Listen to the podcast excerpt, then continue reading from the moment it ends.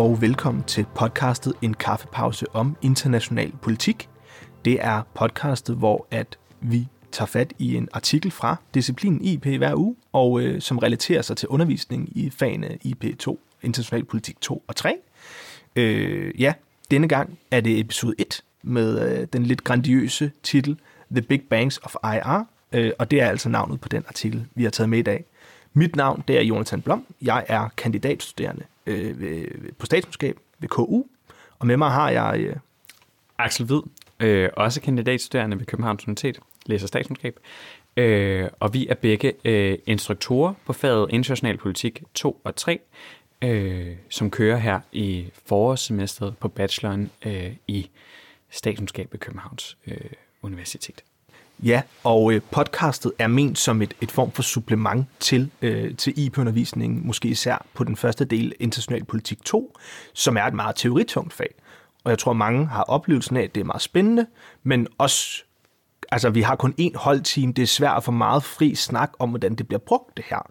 Så i de næste par uger øh, vælger vi en, en ny artikel, en, en artikel, der applicerer den her teori, mm. for at kunne, kunne give en fornemmelse af, hvad hvad bliver det her IP-teori brugt til at kigge på udlandet?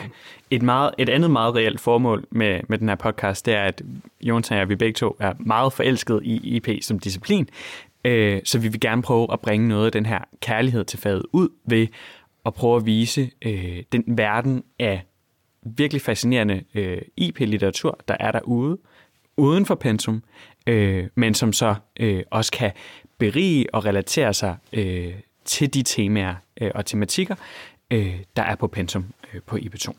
Yes. Øhm, det hedder jo en kaffepause om, øh, om international politik. Det er fordi, at vi normalt tænkte, at konceptet var, at vi satte os ned helt tilfældigt i et podcaststudie øh, med en kop kaffe. Og på KUA. På KUA. Ja, det var det. vi troede, det var på, på CSS, kan vi godt afsløre. Så vi har skyndt os lidt i dag. og så, så var øh, podcastet de der 15, 20, 25 minutter, det nu tager at drikke en kop kaffe. Så ja, lad os bare øh, dykke ned i det, øhm, og dykke ned i artiklen for i dag. Jeg ved ikke, Axel, om du måske lige vil give sådan en generel intro til både, hvad den handler om, og hvem der har skrevet den og sådan. Meget gerne. Øh, den tekst, vi har taget med i dag, hedder The Big Banks of IR, The Myths That Your Teachers Still Tell You About 1648 and 1919. Den er skrevet af Benjamin de Carvalho, øh, Halbert Lira og John M. Hobson, og er udgivet i Millennium, som sagt, i 2011. Grunden til, at vi har taget øh, den her artikel med, det er, at den gennemgår øh, myten om 1648 og 1919. Med andre ord, myten om den vestfalske fred og myten om IP-disciplinens fødsel i øh, 1919. Øh, så forklarer den, hvorfor at de her to årstaller ligesom er myter, hvad det vil sige, at de er myter, øh, og at hvorfor at, øh, og giver et pud på, hvorfor på trods af, at de her årstaller langt hen ad vejen, og de historier, vi fortæller om de her årstaller langt hen ad vejen er myter, hvorfor de bliver ved med at blive genfortalt i akademisk undervisning, som om, at det var sandheder. Jeg ved ikke, hvis vi skulle starte med myten om 1648, Jonathan, vil du måske øh, kaste os i gang med at fortælle os lidt om, hvad er myten om 1648? Helt præcist. Jamen, det vil jeg gerne. Øhm, øh, jamen, altså myten om 1648 øh, øh, beror på ideen om, hvordan den vestfalske fred, som den bliver kaldt, øh, har været med til at forme det, det moderne statssystem, som vi kender. Øhm, og, og grunden til, at den er så vigtig, det er, at det er det her statssystem, der er i stadigvæk øh, i mange grundbogsudlægninger, som jo også er det, artiklen tager udgangspunkt i, hvordan bliver det her fremlagt i grundbøger, øh, var ligesom der, øh, det vi i dag analyserer og kigger på i disciplinen IP, blev mm. skabt. Øh, det skal jo ikke være nogen hemmelighed, at jeg er den lidt mere historieinteresserede end os to, men vi er jo trods alt begge to øh, studerende på statskundskab, så, så der, der, det bliver ikke en, en, en stærk historisk gennemgang. Men Nej. kort og godt, så var øh, den vestfalske fred øh, hvad skal man sige, afslutningen på det, der blev kaldt 30-årskrigen, eller bliver kaldt i dag 30-årskrigen. Øh, det blev også kaldt 30-årskrigen den sidste religionskrig. I dag tror jeg, man populært set ser krig meget som, at der er en stat, der har en interesse, og den interesse er så at bekrige en anden stat. Øh, men, men det var lidt mere mudret i middelalderen, og der var noget, noget værtslig interesse, noget værtslig magt, der var blandet meget sammen med noget kirkelig interesse og kirkelig magt. Øhm, Og, øh, og, og selvom at 30-årskrigen ikke rigtig kan behandles som en krig, det var flere forskellige simultane konflikter, så var det, der ligesom fik øh, ja, perioden, de 30 år til at bryde ud, var en, en, en, en, en religiøs borgerkrig inden i det, der hed The Holy Roman Empire. Jeg kommer bare til at kalde det det tyske imperie. Mm. Øh, så på den måde var det en religionskrig til at starte med. Mm. Så det er ligesom historien om 30-årskrigen mm. og øh, den vestfalske fred. Øhm, hvad, det var en, en meget nøjsommelig ja, historisk gennemgang, men hvor i ligger øh, myteelementet i det? Ja, altså, det, jeg tror nærmest, det, det vigtigste at sige er jo også øh, lige til at starte med, at det her det er jo en IP-tekst. Mm. Så, så myteelement, altså man kan sige, der kan være mange historiske læsninger af, hvad der egentlig skete, men det ligger jo lidt i en anden disciplin, og vi bruger den her fortælling til noget IP, og det ja. tror jeg er det vigtige at sige med det samme, ikke? at det det forfatterne øh, angriber lidt her, det er, hvad, hvad vi bruger det til. Ja.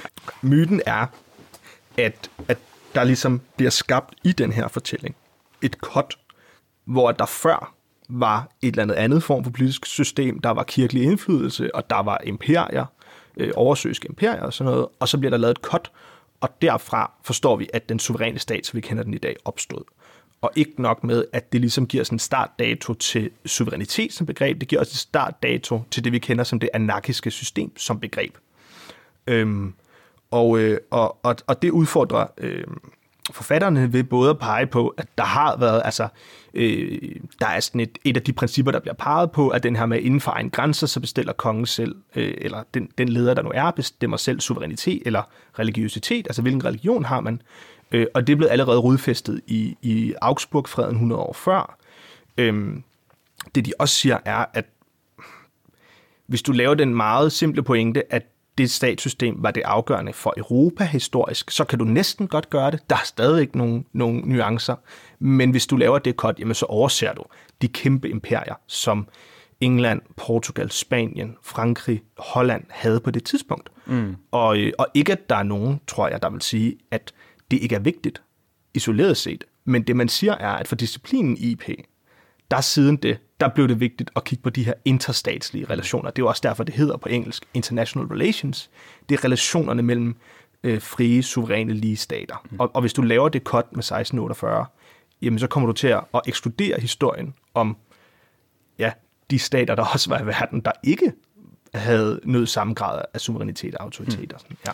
Så hvis vi lige tager et, øh, et skridt tilbage, så myten af 1648 er af betydning fordi det er i hvert fald disciplinhistorisk inden for IP, bliver brugt som en fortælling om, hvordan suverænstaten opstod cirka øh, 400 år siden, og siden da, så har den vigtigste politiske organisering været stater.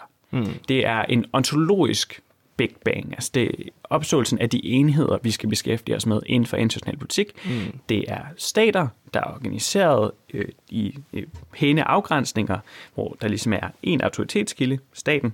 Religion betyder ikke noget her, i hvert fald ikke autoritetsmæssigt. Øh,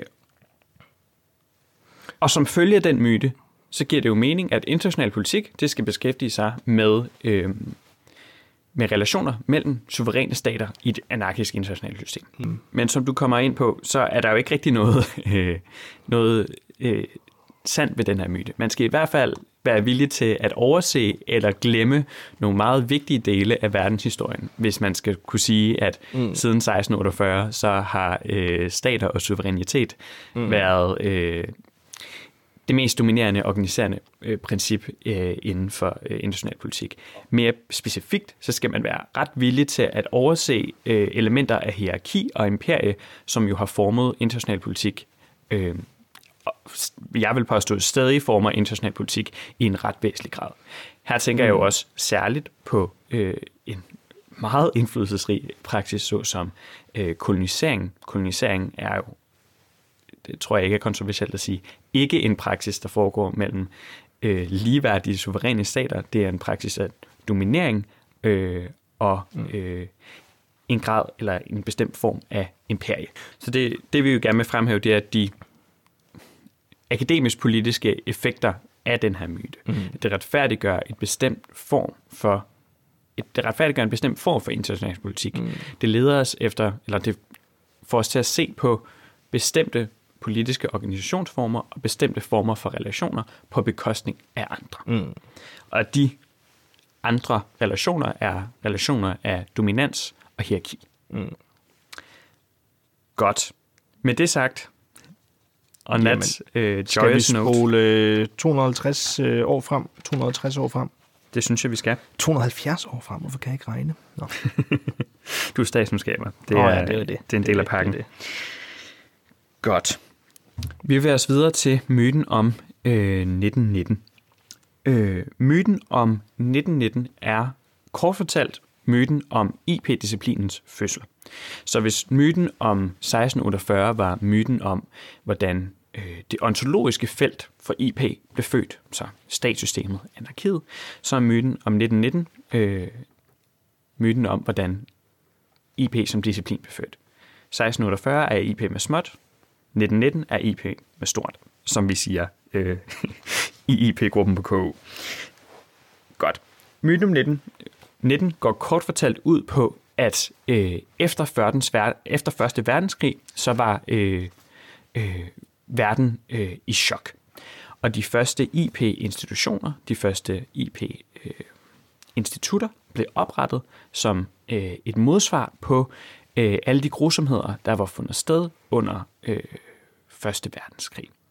Så i den her fortælling, så er IP altså en ret nobel disciplin, der blev født ud af øh, asken af øh, Første Verdenskrig, som en anden fønix. En ret vigtig del af historien om øh, 1919 er det, vi kalder øh, den første debat, som så udspringer umiddelbart efter øh, 1919 og fortsætter øh, indtil begyndelsen, slut øh, 2. verdenskrig. 2. verdenskrig spiller i hvert fald en væsentlig rolle i forhold til historien om den første debat, som vi fortæller den som en myte. Til de af jer, der ikke kan huske den, så handler den første debat øh, om øh, en debat mellem øh, de klassiske realister. Her øh, spiller især E.H. Carr en stor rolle. Øh, og så øh, dem Carr kalder utopister eller idealister, som er folk som øh, Norman Angel, vil jeg nok mene er, er en af de mest øh, Ja, og, kendte. og Woodrow Wilson, ikke? Altså, Woodrow det blev Wilson, også benævnt klart. Øh, som, som uh, Wilsonian utopianism, Yes. eller ja. Det er rigtig god penge. Ej, jeg får glemt.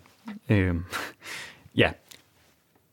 Fortællingen om den her mm. første debat går kort fortalt ud på, at øh, utopisterne havde en eller anden naiv idé om, at øh, hvis vi bare øh, samarbejdede, så kunne vi øh, komme frem til øh, en verden i international politik, der var fredelig. Altså, hvis vi samarbejdede nok med hinanden, vi oprettede de institutioner, der var nødvendige, så kunne vi oprette øh, en fredelig øh, verden. De havde Det var jo bygget, kan man sige, grundlæggende på den her kantianske idé om et rationelt menneske, der kunne lære sig ud af de øh, konflikter, vi nu har været i historisk set. Ikke? Vi kunne blive mere rationelle. Vi ville indse med den rationalitet, at det ville være bedre at arbejde sammen Ja. og, og ikke bekrige hinanden.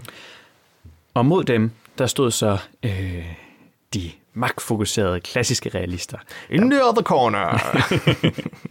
der var fornuftige og vidste, at nej, nej, øh, man kan ikke løbe fra, at international politik, det er et spørgsmål om magt. Og det vil altid være øh, øh, de stærkeste stater, der vil kunne få øh, gennemført deres vilje. Vi kan ikke konflikt og muligheden for krig kan aldrig nogensinde forsvinde fra international politik. Og de var så i den her store debat om, hvad international politik er, og mulighederne for forandring i international politik. Altså, kan vi gå fra øh, et konfliktfyldt internationalt system til et, der er fredeligt? Hvorvidt kan vi transformere det? Og så med udbruddet af 2. verdenskrig, så blev idealisterne, utopisterne, endegyldigt øh, øh, bevist, at de var Proven forkerte. wrong? Proven, Ja, wrong. proven wrong. De tog fejl. Krig er og vil altid være en del af det internationale. Se selv på de grusomheder, der skete øh, lige efter øh, Første Verdenskrig. Altså øh, 2. verden. Så hvis vi skal se på effekterne af den her myte. Vi kommer til, hvorfor det er en myte om lidt. Men hvis vi tager effekterne først. Hvis vi først ser på selve fødselmyten, så IP som disciplin bliver født meget nobelt for at øh, svare øh, på krig. Vi skal finde mm. svaret på krig. Vi skal i hvert fald, så vidt vi kan, minimere det.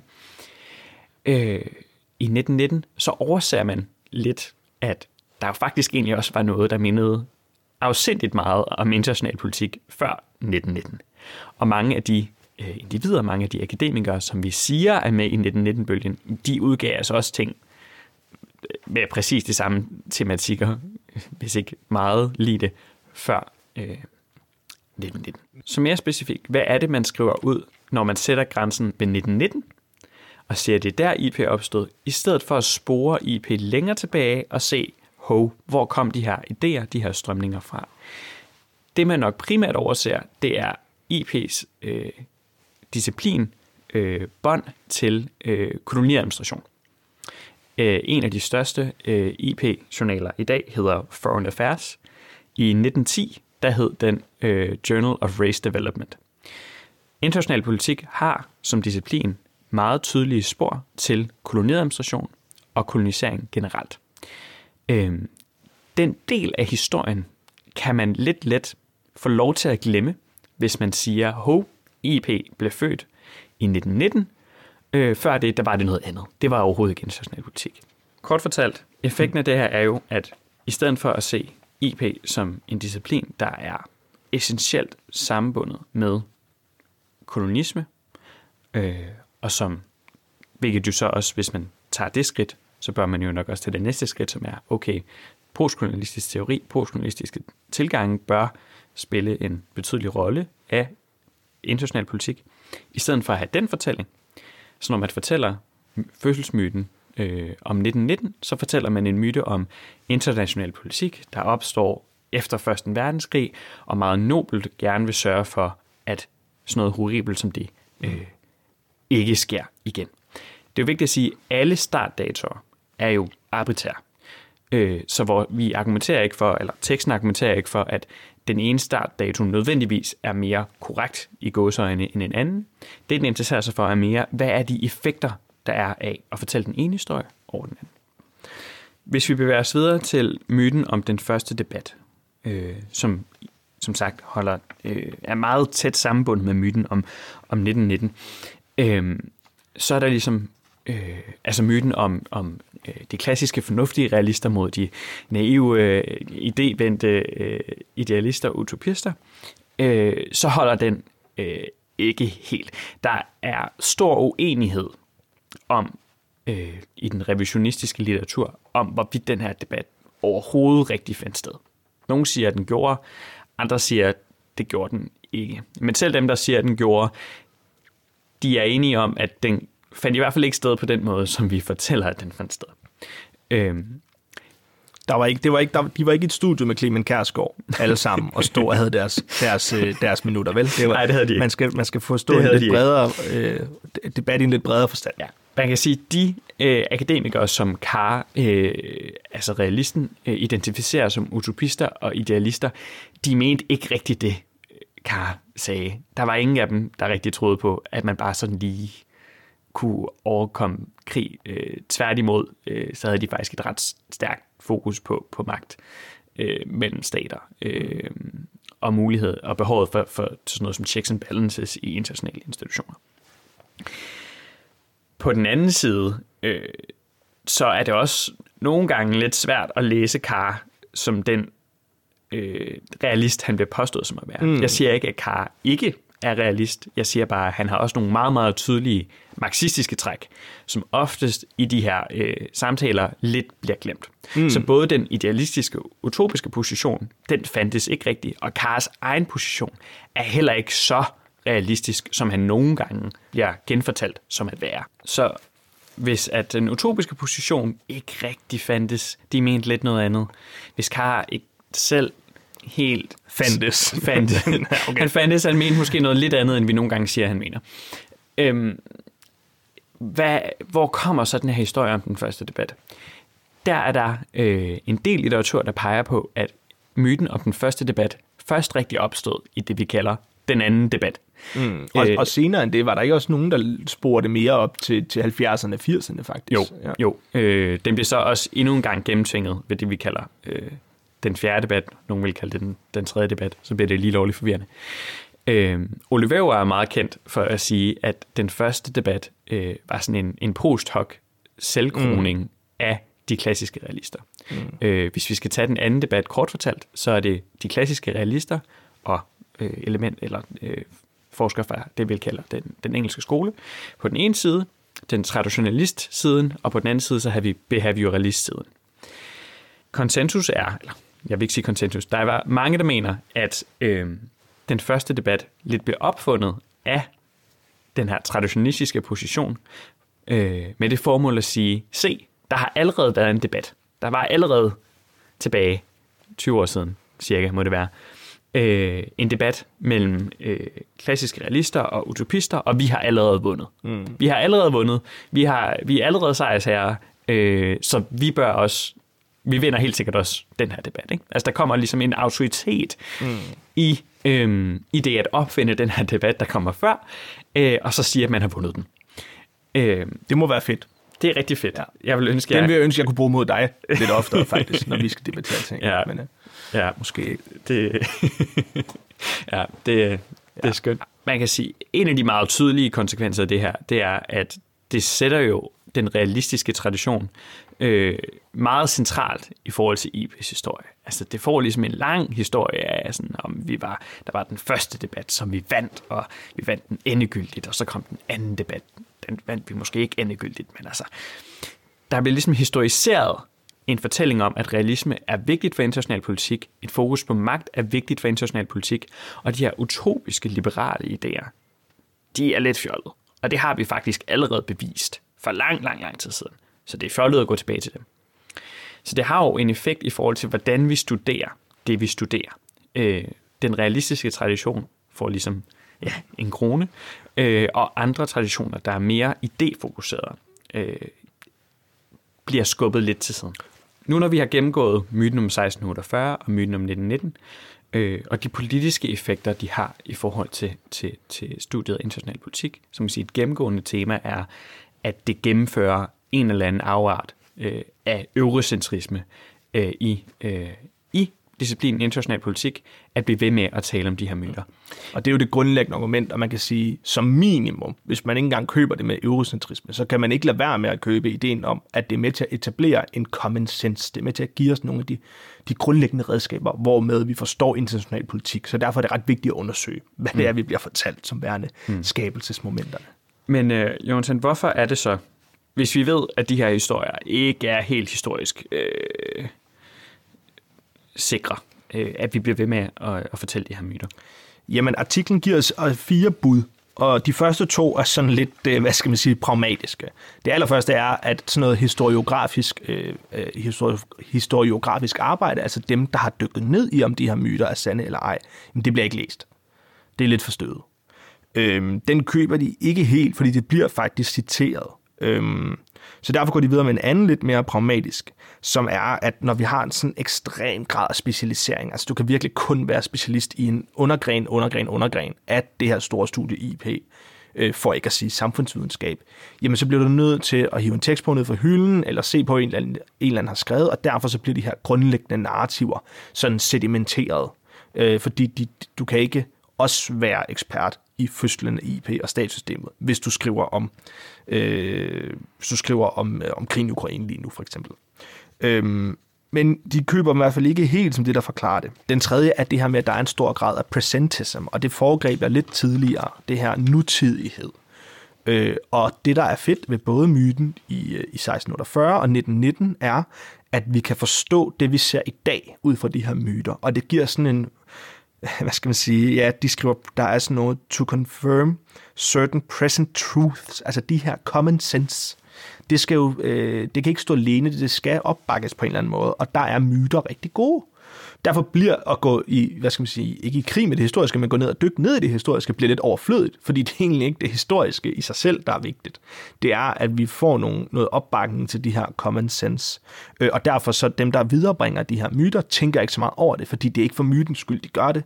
Det er for at introducere studerende til det nuværende. Man kan jo sige, øh, myterne fungerer jo lidt ligesom det fundament, som IP-disciplinen i hvert fald påstår at være bygget på. Øh, så det er jo fortællinger, der ligesom siger, hvad er det, vi skal beskæftige os med, øh, og hvordan skal vi også beskæftige os med det, altså både ontologisk og øh, epistemologisk. Og når der som sagt er indbygget en eller anden form for eurocentrisme i begge de her myter, jamen, øh, så former det jo også netop, hvordan vi tilgår international politik øh, øh, helt øh, generelt. Så hvis man skulle fjerne de her myter, så vil man ikke bare... Det er ikke så let at gøre, som bare at sige, men nu fortæller vi ikke myten om 1919, nu fortæller vi øh, myten om, om, om, om 1910, øh, eller hvad end andet årstal, man kunne vælge. For i de her myter, der ligger der også en retfærdiggørelse af teoretiske tilgang. Så så længe at vi bliver ved med at tilgå international politik på en bestemt måde, så kan det være rigtig rart og understøttende mm. for de mennesker, der arbejder med international politik på den her måde, at blive ved med at fortælle de her historier. Og man kan jo også sige, at det er jo ikke fordi, det er historier, man lige fortæller til hinanden mm. i kaffegang, men det er noget, man tager med, øh, måske også underbevidst. Og jeg tror, øh, i forhold til det, du er inde på, et, et meget godt eksempel, som de også nævner mange gange, men det er jo det her grund, grund, grundideen om anarki, mm. som der ved Gud ikke er en IP-studerende, der ikke har fået fået øh, banket ind, banket ind øh, til at sige skrabet ind under huden, det er der ikke noget, der hedder. Men alle har fået banket den her idé om en anarki ind. Og hvis du ikke vil beskæftige dig med anarki, men så skal du vælge en kritisk teori. Eller sådan, mm. så må du gå et andet sted hen, fordi i de lidt mere problemløsende mainstream, der, der, der, der tager både realismen og, og, og liberalismen i dag, tager udgangspunkt i det her anarkiske system. Øh, og det er jo en virkelig stærk antagelse, og nærmest et axiom, eller sådan en, øh, hvad skal man sige, en truism i IP. Mm. Øhm, og jo igen, jeg vil gerne lige øh, hvad skal man sige, gå tilbage til, at artiklen synes, det er et stort problem. Jeg tror også, at vi begge to øh, øh, hælder lidt den vej, men det er jo ikke i sig selv et problem. Og sådan analytisk sige, jeg antager anarki. Problemet bliver, hvis den antagelse ikke er noget, du aktivt gør, men er noget, der ligger sedimenteret i den her grundlæggende fortælling om IP, så du egentlig ikke har noget valg andet end bare at godtage øh, antagelsen af anarki. Fordi hvis du laver antagelsen selv, jamen så kan du så også være velovervejet omkring de konsekvenser, det har. Ja, det er ikke, og det er det vigtigste. Det er at være velovervejet om, hvad konsekvenserne af at gøre den antagelse af det er, jo det, er i en given situation. Yes, vi bliver nødt til at parkere noget, når vi laver en analyse. Og, og problemet tror jeg også, måske faktisk forfatterne vil være enige i, det er, at de her myter er med til at gøre, at folk ikke stiller sig selv de spørgsmål. Hmm. Især i forhold til anarki, som er, tør jeg godt sige, den mest udbredte antagelse øh, i IP. Ikke? Det synes jeg øhm. er, er meget indsigtsfuldt sagt, mm. Det, det er da heldigt, at jeg så er din uh, medværk her på uh, kaffepausen. Øh, og med det sagt, med det sagt, vil vi runde af for i dag. Simpelthen. Øh, tak til dig, Axel. Ja, og tak til dig, Jonsson. Det har ja. været en fornøjelse. Vi uh, håber, at I har nyt den her uh, første episode af En kaffepause om international politik. Denne gang uden kaffe. Vi vender stærkt tilbage uh, i næste uge, forhåbentlig med kaffe øh, hvor vi vil snakke om neorealistisk teori. Eller det, neoklassisk realistisk uh, teori. Der fik vi spoilet, at vi ikke har valgt øh, teksten, teksten endnu. Men det Men, bliver en fornøjelse. Øh, yes. I kan glæde jer til det. Vi ses øh, næste uge. Næste uge. Genialt.